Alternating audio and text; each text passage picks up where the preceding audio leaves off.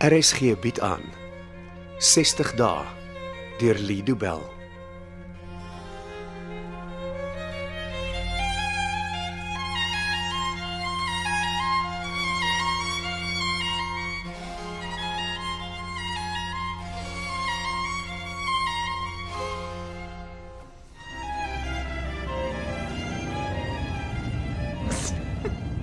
Ouma, hoef nie so stadig te ry nie. Jong, ek ry meer as vinnig genoeg. Ons is op die hoofweg. Sit bietjie voet in die hoek.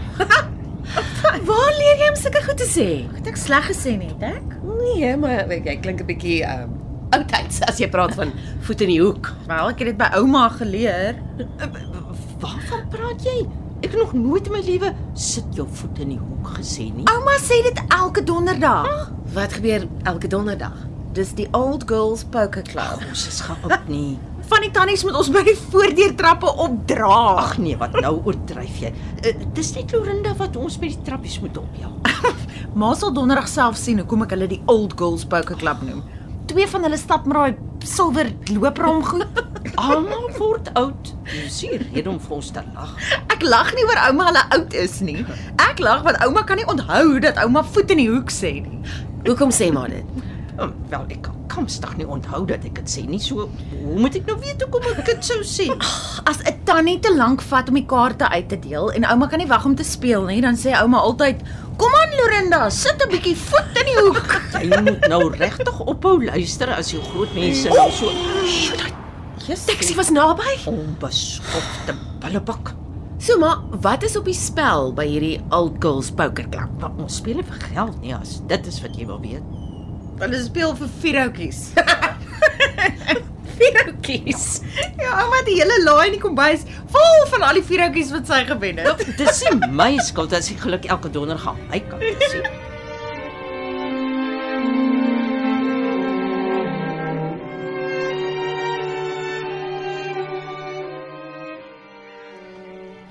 So, hierdie is ma se kamer.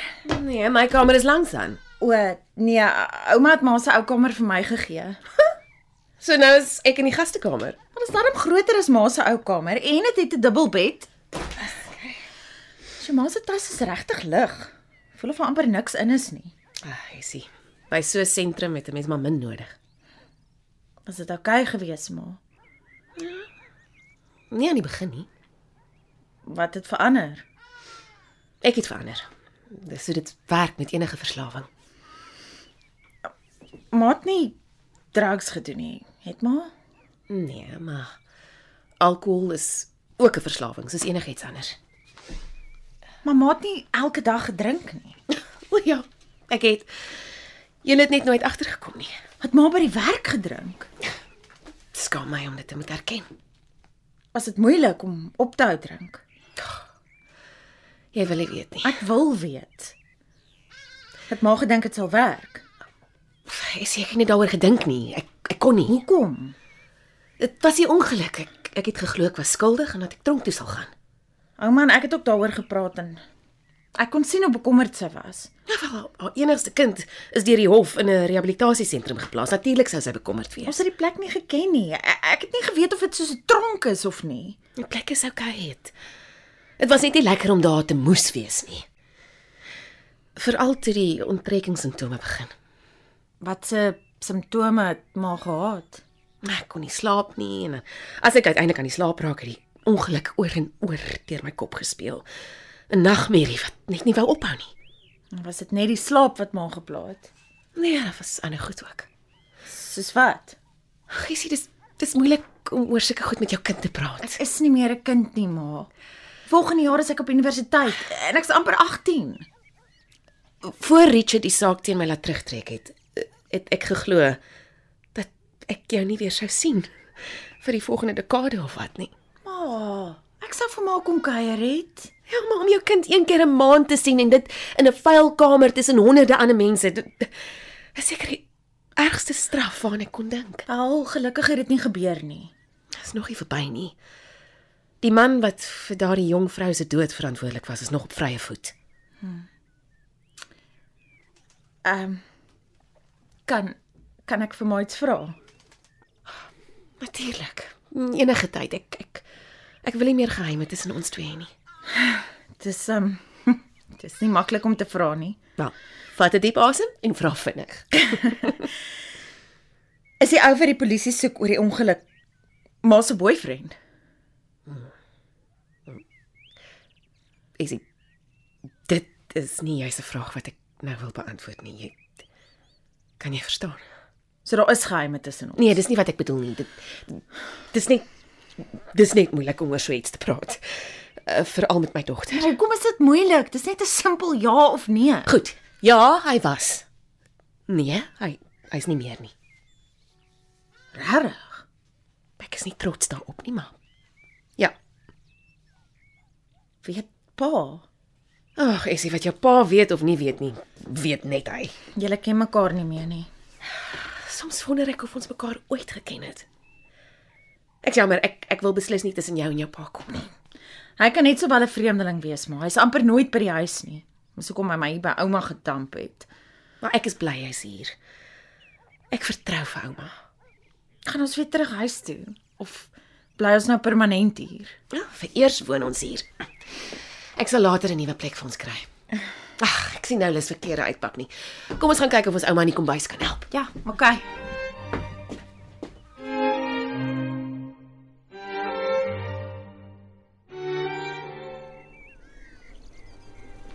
En nou, ek dog die twee van julle is besig om uit te pak in jou nuwe kamer. Nee, ek sal later.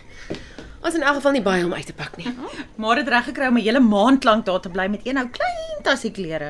Ek is beïndruk. En die helfte van die klere in daai tas het ek nie eers gedra nie. Wat maak ouma? Ek het gedink ons kan maar een van jou ma se gunsteling disse voorsit vir middagete. Ah, wil ouma sushi bestel. Nou kom. Al dis my ma se gunsteling dis. As sy kon, sou dit al wees wat sy ooit eet. Mm, wel, ek weet nou nie hoe om sushi te maak nie en jou ma verdien 'n bord lekker tuisgemaakte kos na al die kos wat sy moes eet daar by die sentrum. En wat maak maar vir my? Rys, groente, en frikadelle in 'n lekker sous. Mm. Frikadelle. Dis jou ma se gunsteling. Nou, Ten, ten minste dit was toe sy jou ouderdom was. Ek het al vergeet van ma se lekker frikadelle. Ek moet die resep nog eendag by ma kry. Ai, Konna, my resepte kry julle oor my dooie liggaam. Ouma, Ag nee. Nie weer daai storie nie, ma. wat 'n storie. Ah, ma, vertel vir Essie. Ah, ah, nee nee nee, ek is besig om te kook. Jy kan die storie vertel. Wat praat ouma van oor my dooie liggaam? Ek hoop nie dis 'n morbiede storie nie. Ag nee man, dis net 'n gesegde, een wat ou mense gereeld gebruik. Luister vir jou ma, sy ken die storie. Ja, ma. Dit gaan oor 'n vrou in Amerika. En sy het 'n spesiale resep vir vir 'n appeltert of so iets gehad. Nee, nee, nee, nee, nee, pampoenkoekies. Okay. Dit was 'n resep vir haar beroemde pampoenkoekies gewees. Pampoenkoekies. Die vrou was oral bekend vir haar heerlike pampoenkoekies. Toe sy oud begin word, het een van haar kinders vir haar gevra vir haar resep, Ah. maar sy het geweier. Ja, dit klink bekend. En dis toe dat die tannie sê, "Julle kan die resep oor my dooie liggaam kry." Is dit 'n ware storie? Ja, wel, sover ons weet, ja. Elke keer as die familie bymekaar kom, dan vra die kinders en die kleinkinders en al die neefs en niggies mm -hmm. of die ou tannie nie vir hulle die resep kan gee nie. Maar almal kry altyd dieselfde antwoord. Oor my dooie liggaam. Eendag gebeur die onvermydelike toe en die ou tannie kom tot sterwe. Ja. Haar testament het streng instruksies bevat en een daarvan was dat almal wat by haar geërf het, 3 maande later haar graf weer moes besoek. Ooh, klink soos 'n spookstorie. Wel, Oh, die vrou dan gesê oor haar dooie liggaam. 3 maande later, toe kom die klomp weer by die begrafplaas bymekaar Hm? en sien dat die ou tannie betaal het vir 'n groot grafsteen wat toe die vorige dag opgerig is. Ja, ek en jou pa wou mos saam begrawe gewees het so. My grafsteen staan al 'n paar jaar en wag vir my. Dis nog lank voor hulle ouma se naam daarop gaan graweer. Kan ek nou asseblief die storie klaar vertel? Ag ja, sorry, ja, ma. jammer, jammer. Die familie kom toe bymekaar om die ou tannie se graf en bewonder haar splinternuwe grafsteen.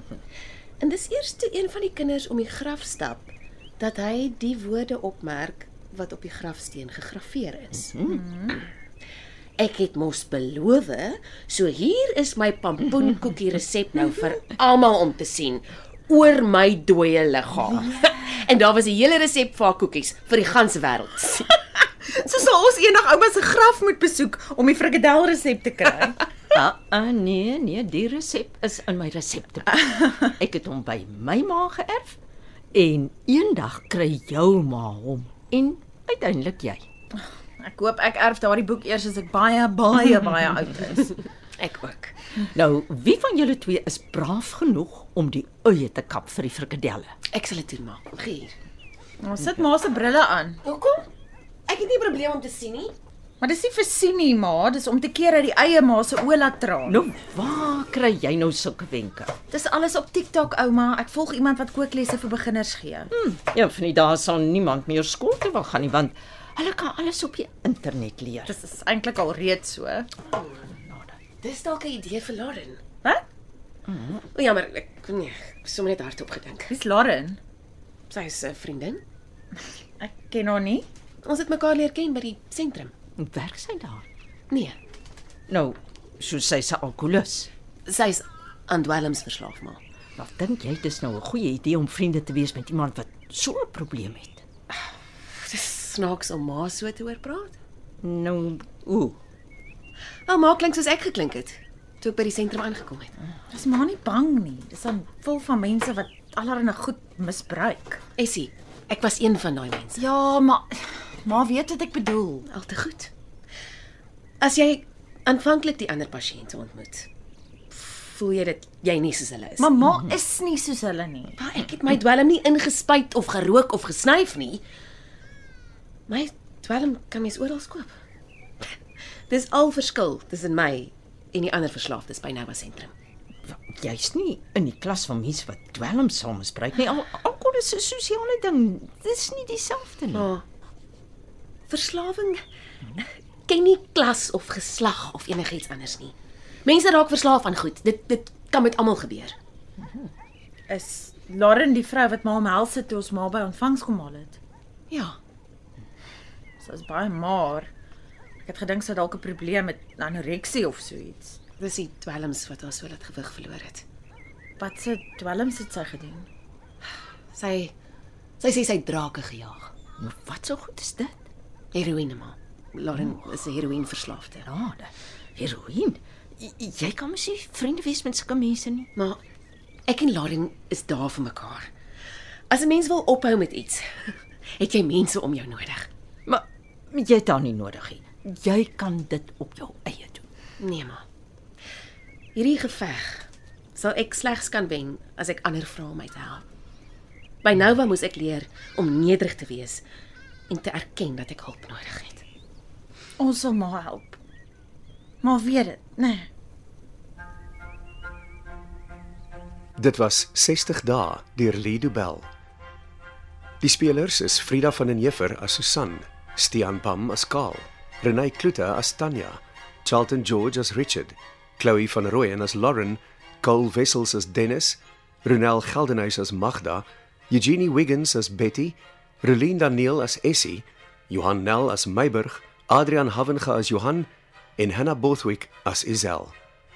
Cassie Lauers behartig die tegniese versorging en dit word in Kaapstad opgevoer onder regie van Anri Gerbst.